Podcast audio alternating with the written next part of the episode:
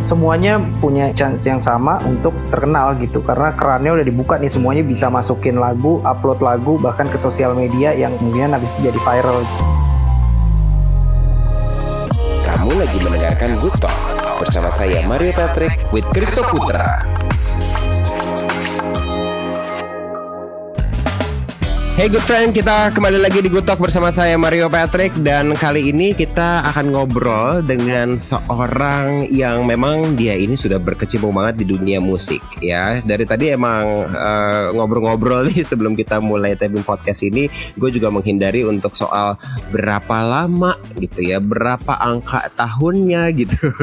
tapi karena itu tidak menjadi panduan, tapi lebih kepada apa aja yang sudah lo lakukan gitu. Nanti kita akan ngobrol uh, uh, sama teman ngobrol gue Loh, udah saking ngobrolnya uh, off air nih sampai akhirnya suara gue serak. Jadi jangan ke mana-mana, tetap di Good Talk bersama saya Mario Patrick.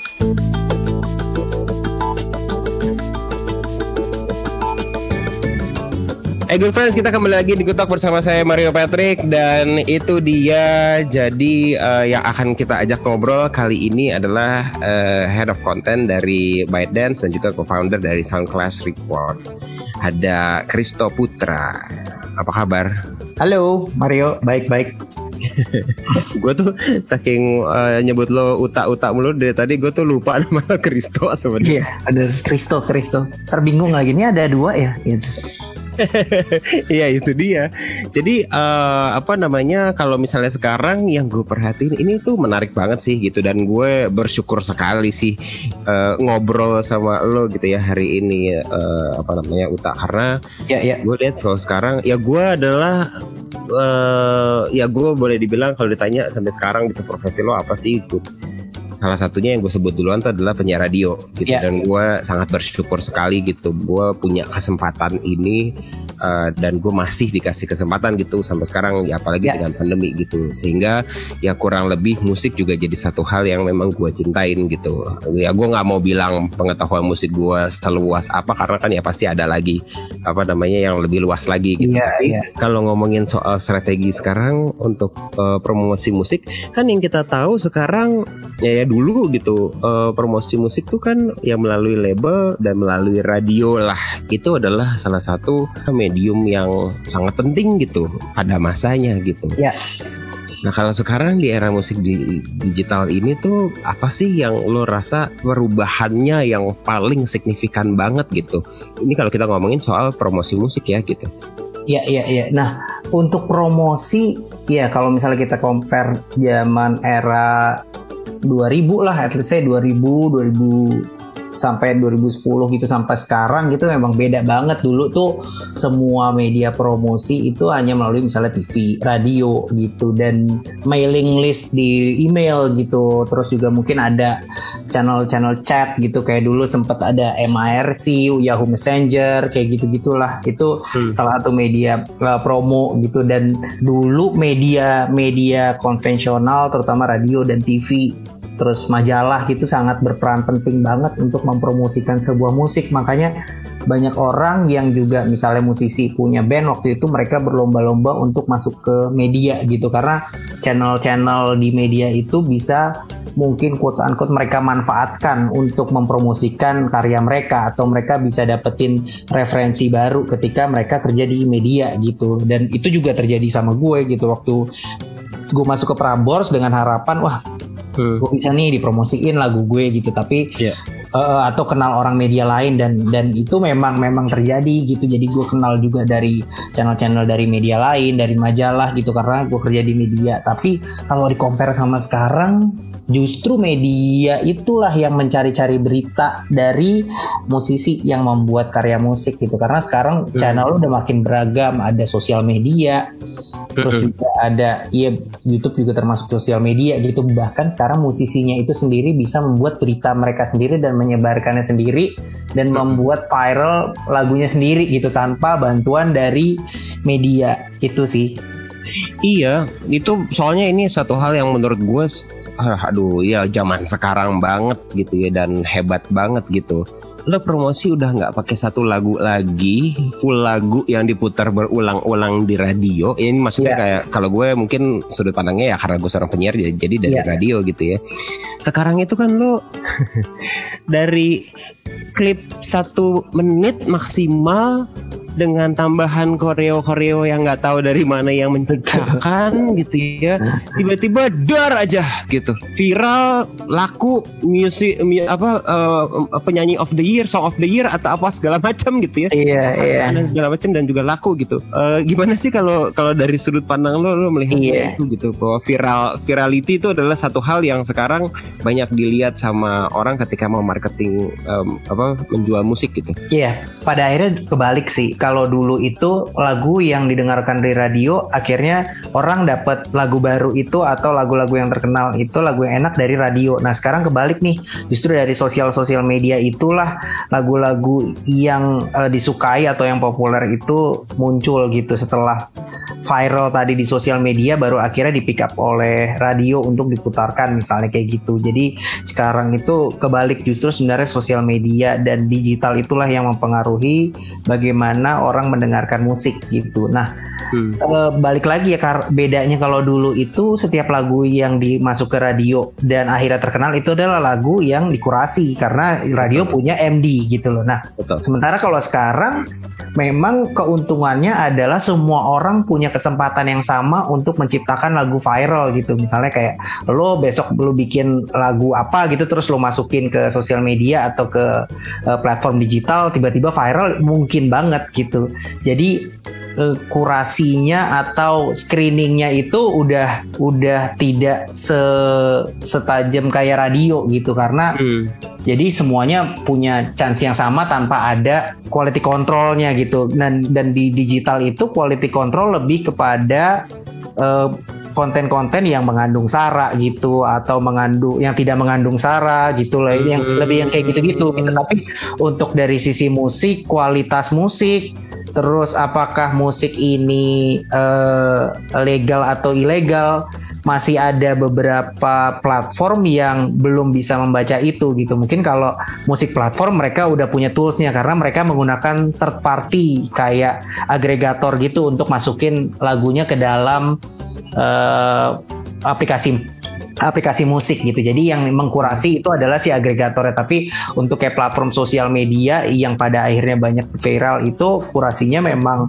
memang untuk lagunya masih belum belum ini ya, belum detail banget jadinya jadi ada ada aja lah lagu-lagu yang lolos tanpa izin kayak gitu yang kemudian menjadi viral gitu loh. Sementara yeah. musisinya sendiri nggak mungkin mereka nggak bertujuan ini jadi viral, mereka cuma iseng-iseng, terus wah lucu bikin sesuatu yang sampai akhirnya toto booming ya mereka juga nggak tahu mungkin caranya gitu sih.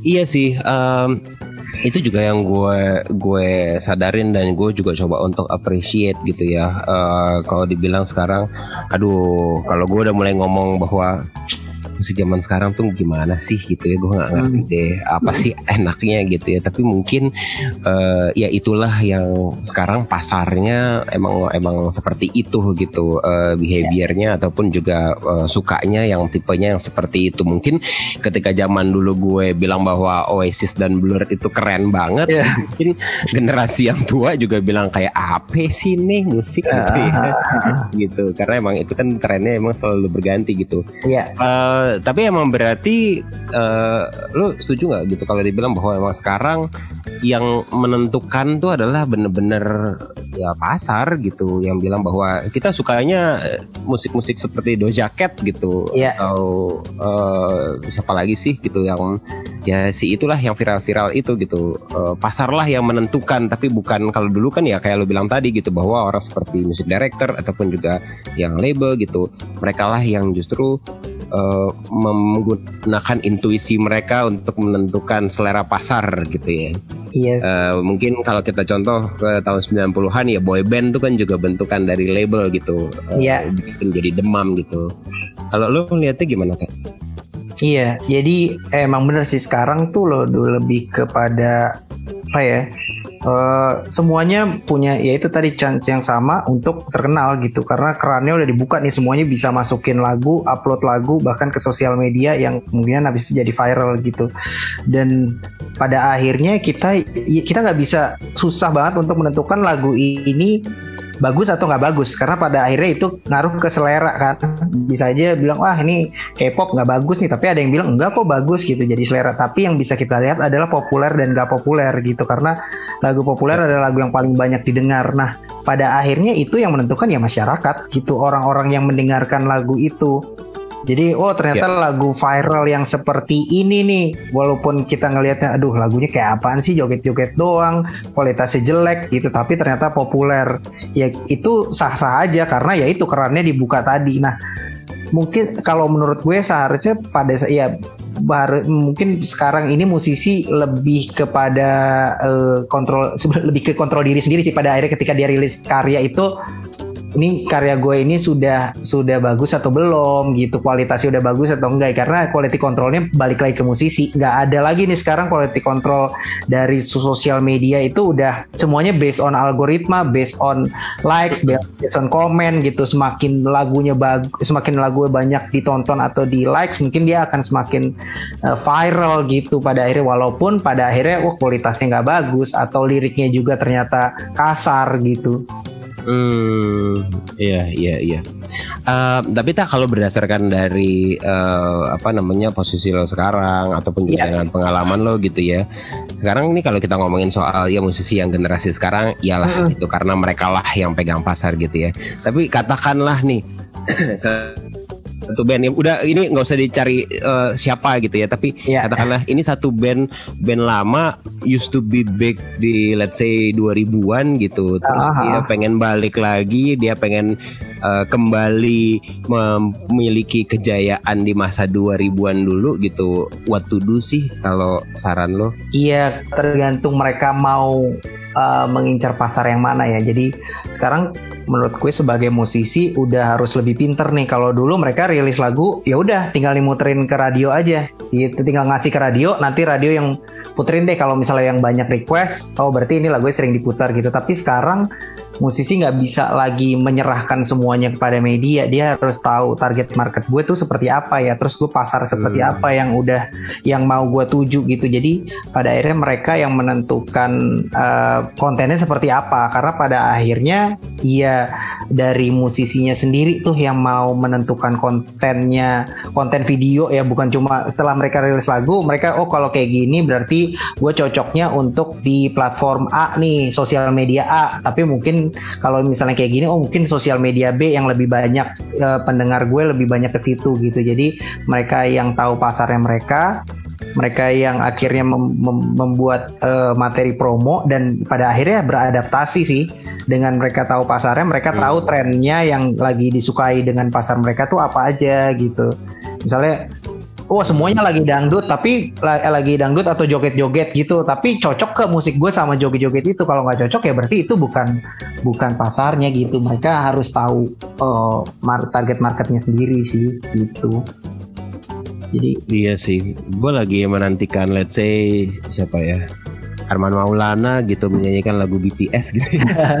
iya, mungkin dia mau ngejar Korea gitu tiba-tiba ya udah. Mungkin seru juga sih. Dia harus menjadi salah satu dari opa-opa itu kan dari dari palnya turunannya mungkin dia bikin visualnya. Iya iya. Itu pasti iya, seru iya, gitu. iya. tapi kalau dia tiba-tiba masih tetap dengan dia sosok di gigi ya susah tuh mungkin ada generation yeah. gap ya gitu sih dia menyesuaikan lah intinya mesti beradaptasi aja. Oke, okay. uh, eh, se seberapa besar sih gue tahu pasti ada pengaruhnya gitu ya pandemi di mana kita di rumah aja ini uh -huh. dengan uh, marketing musik gitu di mana akhirnya orang-orang udah melototin sosial media aja ya gitu. Uh, kalau dari pengalaman lo atau ya, pengetahuan lo gitu seberapa seberapa besarnya sih atau mayoritas bahwa pandemi ini ternyata emang cukup menjadi salah satu peningkatan dari segi marketing musik gitu. Oh iya, kalau dari sisi marketing musik memang kita ngelihat dengan pandemi semua orang jadi masuk ke digital gitu ya kan. Dan pada akhirnya yang digital kanal digital itu yang tadinya mungkin cuma untuk oh musisi doang atau untuk content creator. Sekarang semuanya ke situ dari food blogger dari news juga TV juga akhirnya masuk ke digital radio jadi masuk ke digital. Semuanya itu jadi satu gitu. Nah uh, mungkin satu sisi bagus untuk musisi yang benar-benar mereka niat banget mereka bikin konten mereka target marketnya semuanya deh. Jadi semua pasar ditu dituju. Tapi ini berdampak banget buat musisi-musisi ya terutama musisi kecil ya. Musisi ya. kecil ya. yang mungkin banyak juga ternyata musisi-musisi yang belum tahu bagaimana memasarkan atau uh, bagaimana mempromosikan musik mereka di digital itu gitu. Jadi apa ya ini kayak ibarat dua mata pisau sih. Jadi ada musisi yang mungkin sudah established as a influencer juga karena followersnya mereka banyak gitu. Mereka uh, uh, udah tahu. Tapi untuk musisi kecil dengan adanya pandemi dan semuanya masuk ke digital ini menjadi bumerang buat mereka. Karena ketika mereka merilis sesuatu orang akan lebih makan eh, berita-berita uh, yang viral atau berita-berita yang sensasional gitu atau berita-berita dari musisi yang sudah punya nama. Musisi kecil sama sekali mereka nggak punya tempat untuk dipromosikan gitu. Karena bagi orang-orang ih siapa nih? Nggak menarik gitu. Jadi menurut lo persaingannya sekarang justru lebih susah? Lebih susah. Sekarang justru lebih susah. Mus yaitu itu musisi harus pinter-pinter dia menuju pasar yang tepat gitu loh contoh target market yang tepat gitu. jadi bukan berarti ketika semua digital lalu musisi merasa oh gue harus main digital nih. Enggak gitu. Tapi dengan mereka harus tahu oh dengan musik seperti ini kayaknya gak cocok nih kalau digital. Jadi ya coba kita bikin kaset aja deh. Ternyata orang uh, fansnya lebih banyak yang memiliki eh, mendengarkan di kaset gitu loh atau mendengarkan di vinyl gitu. Jadi atau hmm. fansnya itu ternyata lebih suka uh, sesuatu yang eksklusif. Misalnya mereka merilis di website tertentu gitu. Jadi pada akhirnya itu balik lagi mereka bagaimana cara mencari pendengar. Nggak harus gara-gara sekarang tren digital mereka harus wah udah deh gue hajar aja digital. Karena itu perlu pertimbangan yang matang sih. Iya by the way karena lu tadi mention soal kaset gitu gue menantikan ya. kapan uh, tren kaset tuh kembali naik lagi seperti halnya vinyl sih ya gitu. Beberapa tahun belakangan gitu. Karena koleksi koleksi kaset zaman SD zaman SMP masih ada nih. Iya, iya, iya. ada komputernya aja Oke, iya, iya, oke. Eh, kalau gitu nanti kita akan ngobrol lagi. Masih ada pertanyaan seperti biasa, pertanyaan pamungkas. Ya. Oke. Okay. Jangan ke mana-mana, yeah. tetap di Talk. Kamu lagi mendengarkan Talk bersama saya Mario Patrick with Kristo Putra.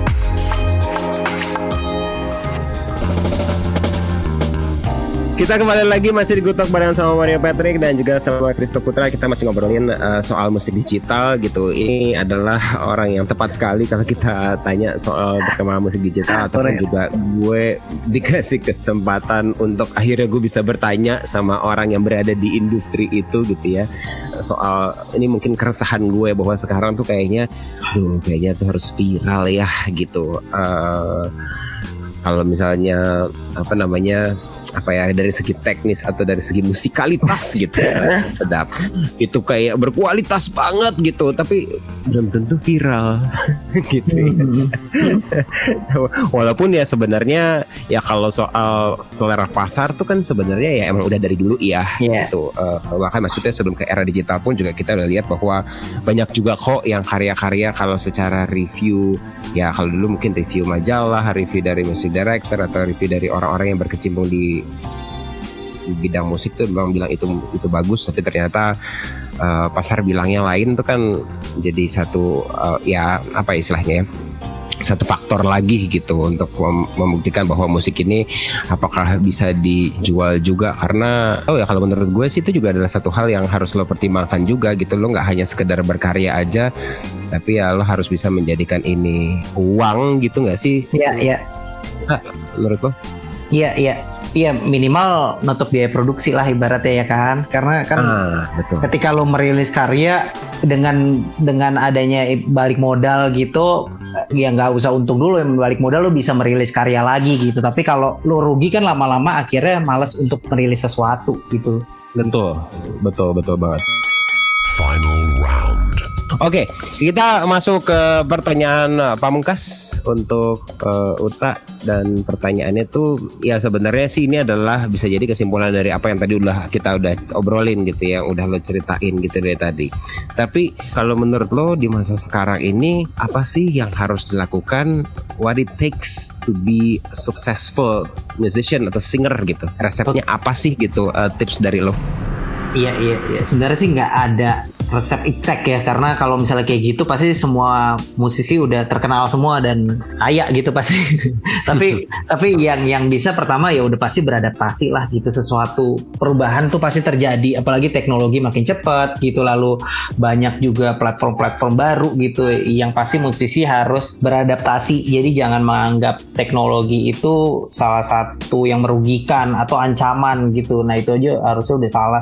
Jadi mereka harus beradaptasi. Oh dengan teknologi ini gimana caranya beradaptasi tanpa harus mengubah branding image mereka gitu loh. Jadi tetap hmm. menjadi menjadi yang mereka inginkan gitu tanpa tanpa harus merubah branding image gitu. Nggak harus menjadi remix atau koplo gitu kok gitu. Mereka harus tetap jadi diri sendiri aja gitu yang pertama. Terus yang hmm. kedua ya lebih menguasai industri. Maksudnya bukan cuma ngurusin bikin musik terus udah gitu tapi mikirin gimana nih strategi promonya seperti apa yang cocok terus marketnya itu tadi seperti apa. Jadi sekarang itu musik udah bukan sebagai karya doang tapi sebagai sebuah produk gitu.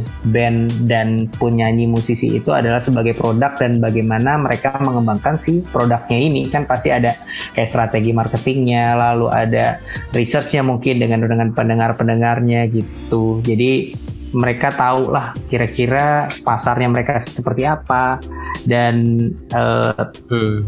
musik yang cocok itu seperti apa lalu turunan kontennya seperti apa visualnya seperti apa gitu sih lebih membuat band as a brand gitu.